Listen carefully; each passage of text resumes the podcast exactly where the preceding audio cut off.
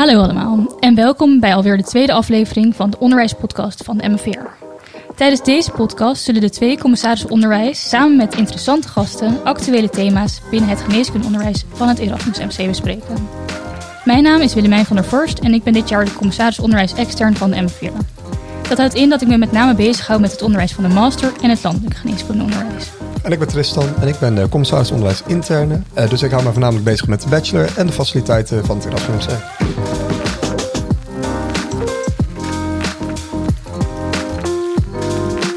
nogmaals hartelijk welkom en ook een hartelijk welkom aan onze gasten. Uh, tijdens deze aflevering zullen wij het gaan hebben over het nieuwe curriculum van de geneeskundeopleiding in Rotterdam, namelijk Erasmus Arts 2030. En dit zullen wij doen met niemand minder dan Suzanne Peters, gynaecoloog en projectleider van Erasmus Arts 2030, en Gijs Elshout, huisarts en voorzitter van de bouwcommissie Erasmus Arts 2030. Superleuk dat jullie er zijn. Uh, zouden jullie jezelf nog even kort kunnen voorstellen? Ja, superleuk om, uh, om ook onderdeel te zijn van deze podcast. Uh, nou ja, zoals je al zei, ik ben Suzanne. Ik uh, werk sinds 2,5 jaar uh, in het Erasmus MC. En, en, daarvoor heb ik in de regio Leiden gewerkt en in Utrecht en mijn opleiding tot gynaecoloog gedaan. En altijd al bezig geweest met onderwijs. Dat is echt waar mijn hart ligt. Dus enorm leuk dat ik nu per 1 april projectleider mag zijn van zo'n mooi ja, onderdeel van de opleiding. En ik ben uh, Gijs Elshout. Uh, ik heb een uh, eigen praktijk in, in Vlaardingen. huisarts ben ik natuurlijk. ik ben hier ooit opgeleid, hier in Rotterdam. Dus ik, ik, loop al een hele tijd hier rond op het Erasmus MC. al tijdens mijn vervolgopleiding begonnen met, met onderwijs geven, het klinisch redeneren. Zo zullen wellicht sommige studenten mij ook kennen. Dan wel van colleges, dan wel van, van KR-sessies. en ik mag maar achter de schermen dus bezighouden met het nieuwe geneeskundecurriculum. En uiteraard de komende uh, integratiecolleges. Inderdaad, ja. Vanochtend nog een webinar gegeven. Morgen staan de andere twee uh, op het programma. De, de voorbereidende webinars. Inderdaad, uh, nou, zeer binnenkort de integratietoetsen. Oké, okay, nou, superleuk dat jullie er zijn. en om jullie nog wat beter te leren kennen, willen we graag wat vragen stellen over jullie studententijd. Jullie zijn natuurlijk allebei arts, dus jullie hebben geneeskunde gestudeerd. Nou, Gijs zei al in Rotterdam. Zou je wat willen vertellen over jouw studententijd en hoe je dat hebt ervaren? Ja, uh, ik heb een heel leuke tijd gehad, vind ik. Uh, ik had bewust voor Rotterdam uh, gekozen. ook toen al werd er met thematisch onderwijs gewerkt, waarbij dus de link met wat je leerde en de kliniek eigenlijk al nou ja, redelijk snel in het curriculum zichtbaar was. Ik vind het een ontzettend leuke stad. Ik kom ook wel uit deze regio. Ik kom zelf uit, uh, uit Schiedam. Dus op die manier kende ik Rotterdam al goed. Maar ik hou wel gewoon van dat, nou ja, het Rotterdamse niet lullen, niet poetsen. Uh, uh, het, het heeft nou ja, studenticoze plekken. Maar het is ook een stad die volledig functioneert zonder studenten, om het zo maar te zeggen. En dat, dat vind ik erg leuk. En ja, ik heb een hele goede studententijd gehad. Leuke dingen binnen de studie gedaan, buiten de studie gedaan. Master of Science, klinische epidemiologie gedaan. Dus uh, nou, kijk er met heel veel plezier op terug. Ja. Nou, mooi zo. En Suzanne, waar heb jij gestudeerd? Ja, ik zei al, ik heb in Leiden gestudeerd. En dat was juist echt zo'n stad die uh, alleen maar ongeveer bewoog uh, op basis van de studenten. En dan één keer per jaar, waarbij het, het, stadsfeest, het dorpsfeest eigenlijk was. Dat trok iedereen vanuit de wijken daaromheen het centrum in. dacht je, oh, er wonen nog meer mensen. Nee, het was een superleuke tijd. De opleiding geneeskunde ook heel goed ervaren. Wel vrij traditioneel curriculum met um, ja, heel erg ja, hiërarchisch. En, en, ook wel een beetje vanuit de cel en eerst de fysiologie leren, dan de pathofysiologie. En ik merkte bij mezelf dat ik pas in mijn derde jaar dacht: Oh, ik vind het echt heel leuk, want uh, het heeft iets met patiënten te maken. En uh, dat eigenlijk pas in mijn master het echt het vuurtje heel hard ging branden. En dacht, ja, dit is geweldig en ik wil nooit meer iets anders. Uh, maar daarnaast ook veel andere ja, activiteiten gehad. Zoals ik al zei, ook op het gebied van onderwijs. Maar ook mooie stages in het buitenland kunnen lopen, onderzoek gedaan. Uh, promotieonderzoek ook. Dus uh, ja, kijk ik super goed op terug. Maar vooral ook de mix van alles. Hè. Niet alleen maar de focus op het studeren, maar ook ja, veel genoten van het studentenleven. Nou, mooi zo. Um, en de studenten in Rotterdam die studeren veel in het mooie onderwijscentrum. Wat was jullie favoriete plek om te studeren? Ja, wij hadden ook wel uh, in, de, in, de, in het ziekenhuis dat soort plekken. Maar ik vond uh, de universiteitsbibliotheek, waar ik ook andere studenten tegenkwam, eigenlijk nog fijner en vooral gezelliger. Met name dat je dan tussen, de, tussen het studeren door eventjes een koffietje kon drinken en elkaar kon ontmoeten. Even naar buiten. dus ik was niet zo vast geroest aan, aan één computer binnen het ziekenhuis. Nee. Ja, en ik heb uh, hier dus gestudeerd. Alleen toen stond het hele onderwijscentrum stond er nog niet. Uh, de collegezalen waar ik in heb gezeten, die bestaan voor een heel groot deel ook niet meer. Uh, waar wij toen veel zaten, dan wel om te studeren, dan wel gewoon voor sociaal, was de Mensa. dat, dat is eigenlijk de ruimte die uh, nu nog onder college... Onder collegiale 3 en 4 aan ja, hoofd. Ja, ja, volgens mij, ik vraag me af of die nog in gebruik zijn. Volgens mij, nou, hoog zelden bij, uh, bij plaatsgebrek of zo. Nou ja, dat, dat was ooit een place to be, maar nu hebben we een mooi onderwijscentrum. Ja, zeker. nou, dan gaan we wat weer door, want we hebben jullie nu wat beter leren kennen. Dus ik zou graag door willen gaan naar het hoofdonderwerp, namelijk Erasmus Arts 2030. Um, eerst zullen we wat meer uh, het hebben over de visie achter het nieuwe curriculum en daarna wat meer over praktische zaken. Uh, om te beginnen, Susanne, zou je mij kunnen vertellen wat het nieuwe curriculum nou eigenlijk inhoudt? Ja, dus wat we eigenlijk doen is een uh, onderwijsprogramma maken voor de basisartsen. dus je moet je voorstellen dat dat begint eigenlijk al bijna op de middelbare school. En dat reikt eigenlijk zo lang als die zes jaar studie duurt, maar ook eigenlijk nog daarna. Dus dat is een heel groot programma. Waarbij we eigenlijk kijken wat is er nou nodig hè, voor de artsen van de toekomst om goed hun vak uit te kunnen oefenen. Nou, dan, de meeste mensen hè, die geneeskunde studeren worden arts, maar er zijn natuurlijk ook nog allerlei andere mogelijkheden. En daarin maak je keuzes uh, binnen de faculteit waar je studeert. Uh, worden keuzes gemaakt waar de accenten op liggen.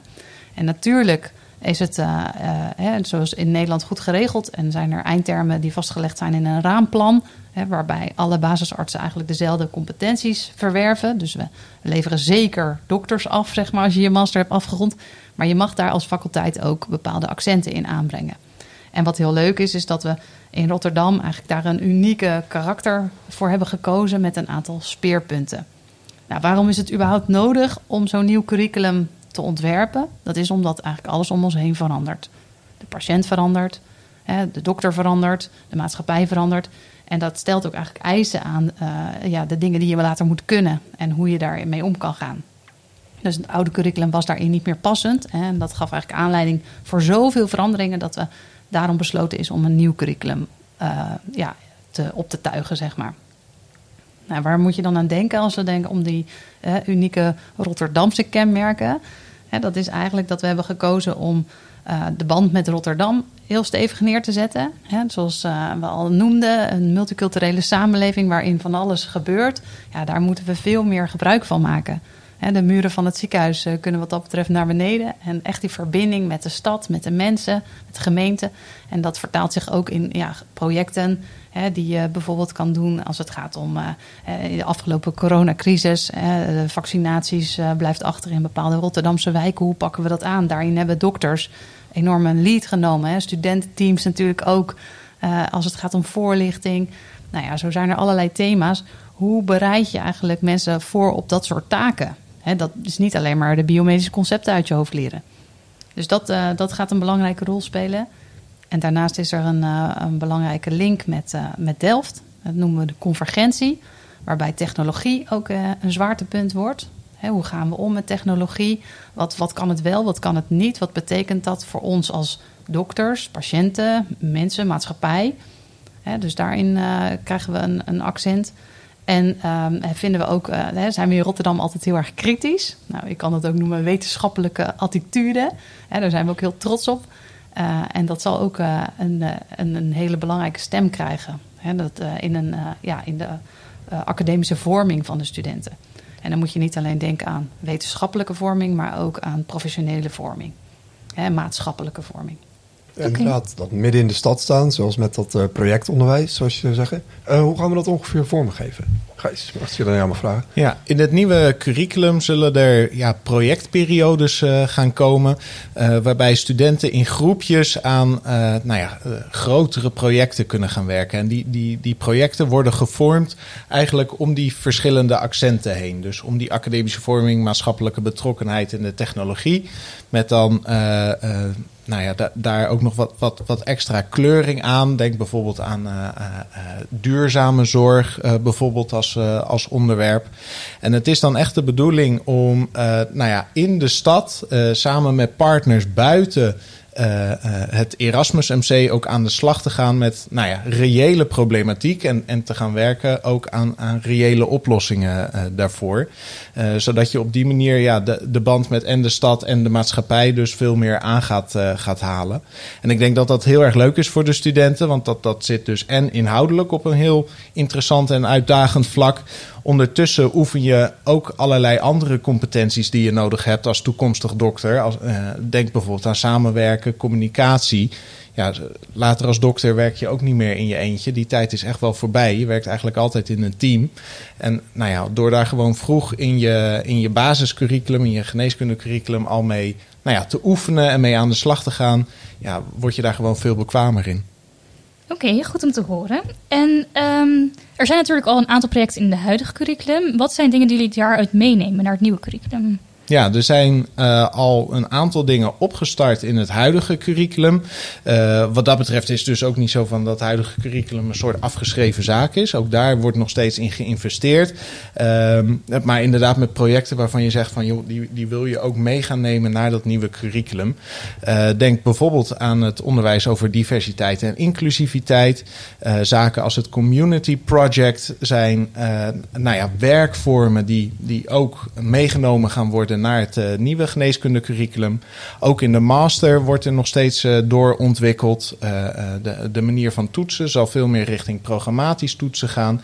Een, een denkwijze die ook richting het nieuwe geneeskundecurriculum meegenomen gaat worden. Dus op die manier ja, zijpelt er al van alles en nog wat op een goede manier van het nieuwe geneeskundecurriculum nu al in het oude curriculum door. Oké, goed om te horen. Interessant. En um, er gaat ook vaak veel gebruik gemaakt worden waarschijnlijk van case-based learning, heb ik gehoord. Ja, misschien als inleiding. Hè? Dus als we kijken naar hoe je onderwijs geeft, hè, hoe leid je dan die dokters op? Zijn er allerlei verschillende methodes. En een van die methodes is een meer kleinschalige onderwijsvorm, die heel erg vanuit de studenten gericht is. Nou, en dan kun je een casus als uitgangspunt nemen. En dat is eigenlijk case-based learning. En dat komt eigenlijk een beetje van het principe dat we veel beter onthouden en leren wanneer we de concepten kunnen koppelen aan de echte real-life context, zeg maar. Dus de beroepspraktijk. Want als je puur leert over bijvoorbeeld hoe werkt een hart, dan is dat eigenlijk makkelijker te onthouden als je vervolgens daar een patiënt aan kan koppelen die een probleem had met zijn hart, waardoor dat allemaal beter beklijft. En zeker als je dat meerdere malen in je opleiding, in dan steeds een beetje ingewikkelder en complexer, terug ziet komen. Zodat die kennis ook steeds uitgebouwd wordt en een stukje herhaald. dus daar eh, is dat eigenlijk uh, uit voortgekomen. Dat we denken dat dat een hele passende onderwijsvorm is, waar je later in de, in de beroepspraktijk ook veel meer aan hebt. Het sluit ook heel goed aan bij de taken die je straks uh, voor je krijgt, waarbij je steeds nieuwe kennis krijgt, want er wordt steeds meer ontdekt. Waarbij je dat kan koppelen aan een basis en er dan wel mee aan de slag kan.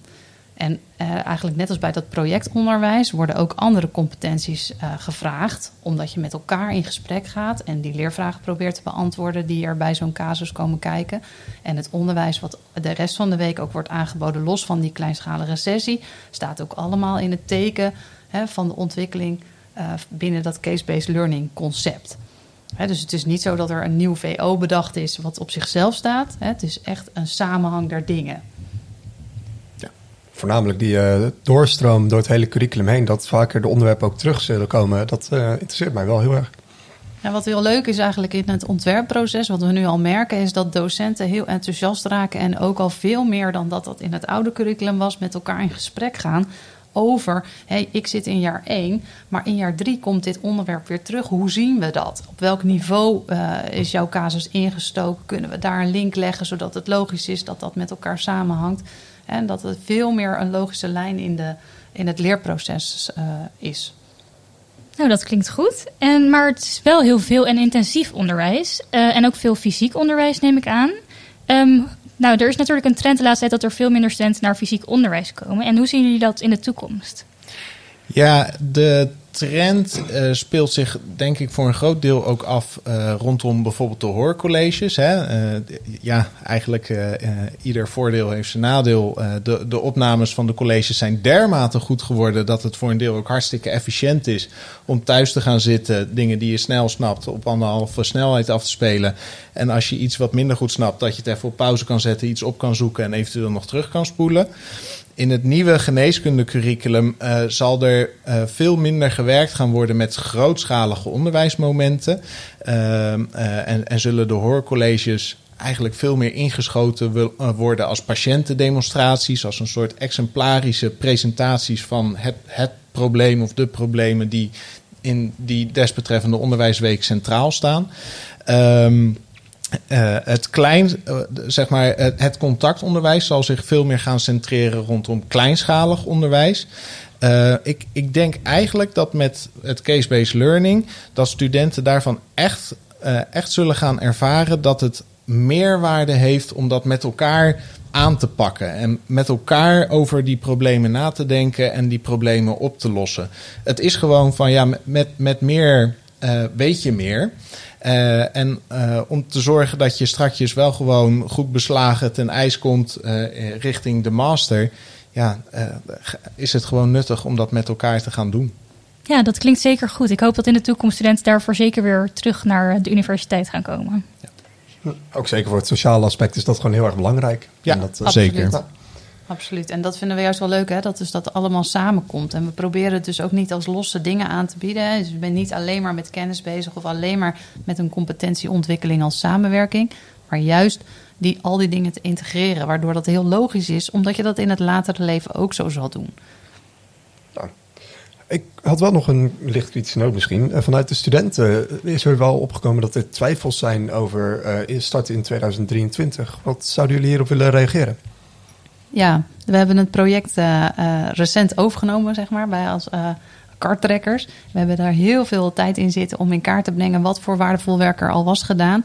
En we hebben juist nu een heel goed overzicht gekregen met alle mijlpalen die behaald moeten worden. Teruggerekend vanaf september 23.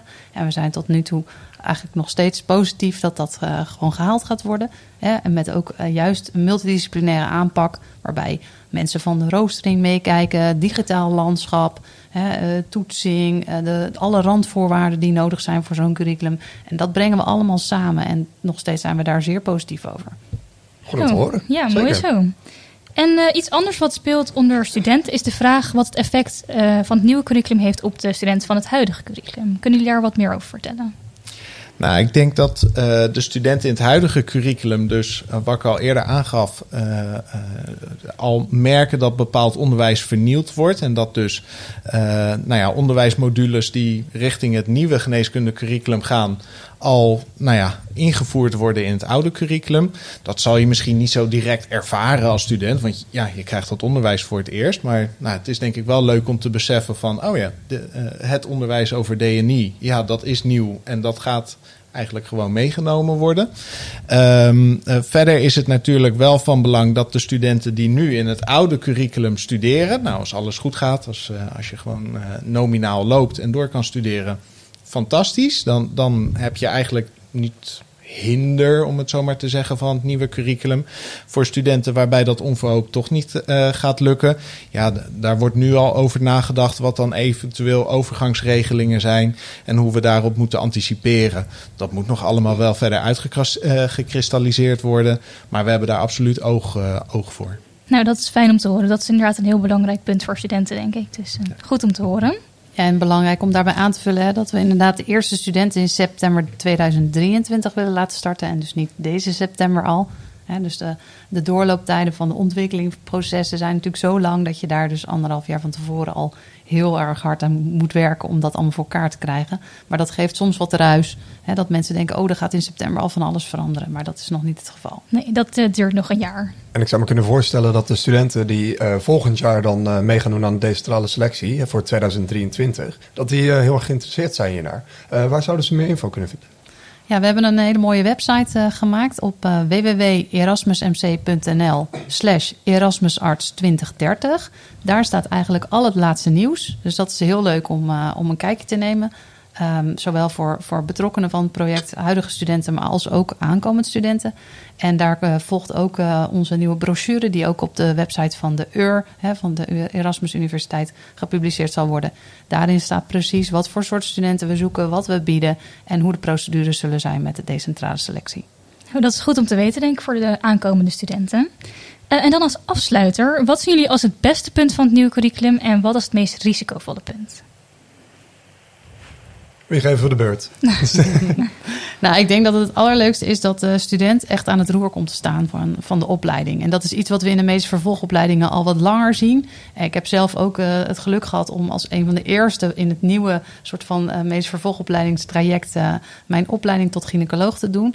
Ja, dat vond ik echt zoveel mooier en waardevoller. En ik merkte ook aan mijn collega's die dat, die kansen niet kregen, dat je zelf meer regie hebt over je leerproces. Dat je daar echt zelf verantwoordelijk voor bent past ook heel erg bij vervolgens het leven lang leren, wat we eigenlijk toch allemaal blijven doen, ook al is je opleiding klaar. Dus ik denk dat dat heel gaaf is dat we dat nu gaan doen. Ja, je leert echt voor jezelf. Ja, en het houdt ook niet op. Ja.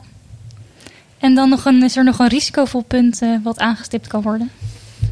Um, nou, een risicovol punt is dat we qua um, onderwijsvormen um, ja, dat, gaan we anders uh, insteken. Hè? Dus waar, waar je nu met de hoorcolleges krijg je iets meer de kennis aangereikt.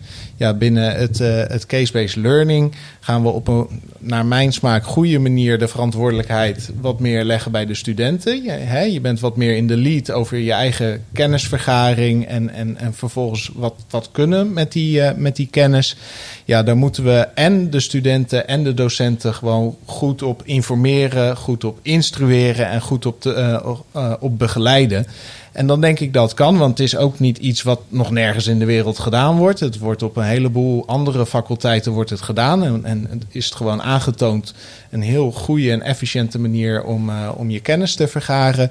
Maar het verandert, ja, het maakt wel uit voor de mindset. En voor de studenten en voor de docenten. Dus ik zie het niet zozeer als een risicovol punt, als wel een punt van wat we goed in de smiezen moeten hebben en waar we goed op moeten anticiperen dat studenten inderdaad een stuk eigenlijk niet passief deze opleiding uh, zullen, zullen volgen, maar ja. juist heel actief uh, mee moeten doen. Ja, juist. En mee zullen doen. Ja.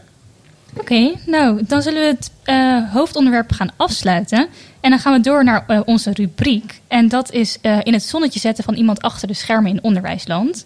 En elke aflevering zetten wij dus iemand achter, in het zonnetje die zich achter de schermen heel hard inzet voor het onderwijs.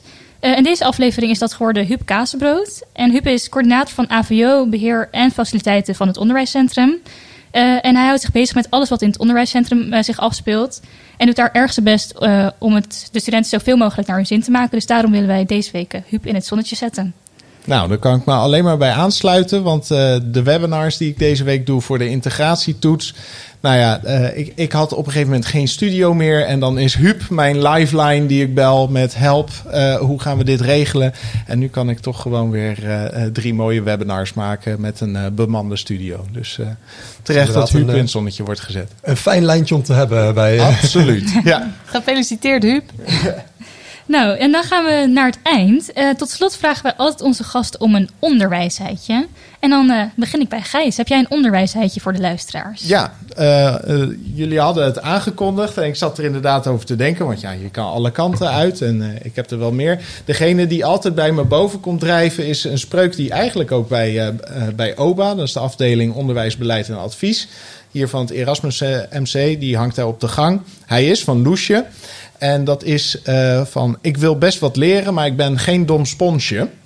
Uh, en ik uh, vind dat we als opleiding op die manier naar onze studenten moeten kijken. Want ik denk dat alle studenten hier wat uh, willen en kunnen leren. Maar dat we als opleiding de verantwoordelijkheid hebben dat op een zo goed mogelijke en zo leuk mogelijke manier aan te bieden. Zodat, nou ja, wat dat betreft, de studenten het best kunnen floreren. Nou, dat Bijvoorbeeld is een... door een uh, nieuw curriculum. Bijvoorbeeld. Ja. ja. ja. En dan Suzanne, heb jij als afsluiter nog een onderwijsheidje? Ja, ik denk dat het heel belangrijk is dat je je realiseert dat soms de, de beste leermomenten uit onverwachte hoek kunnen komen.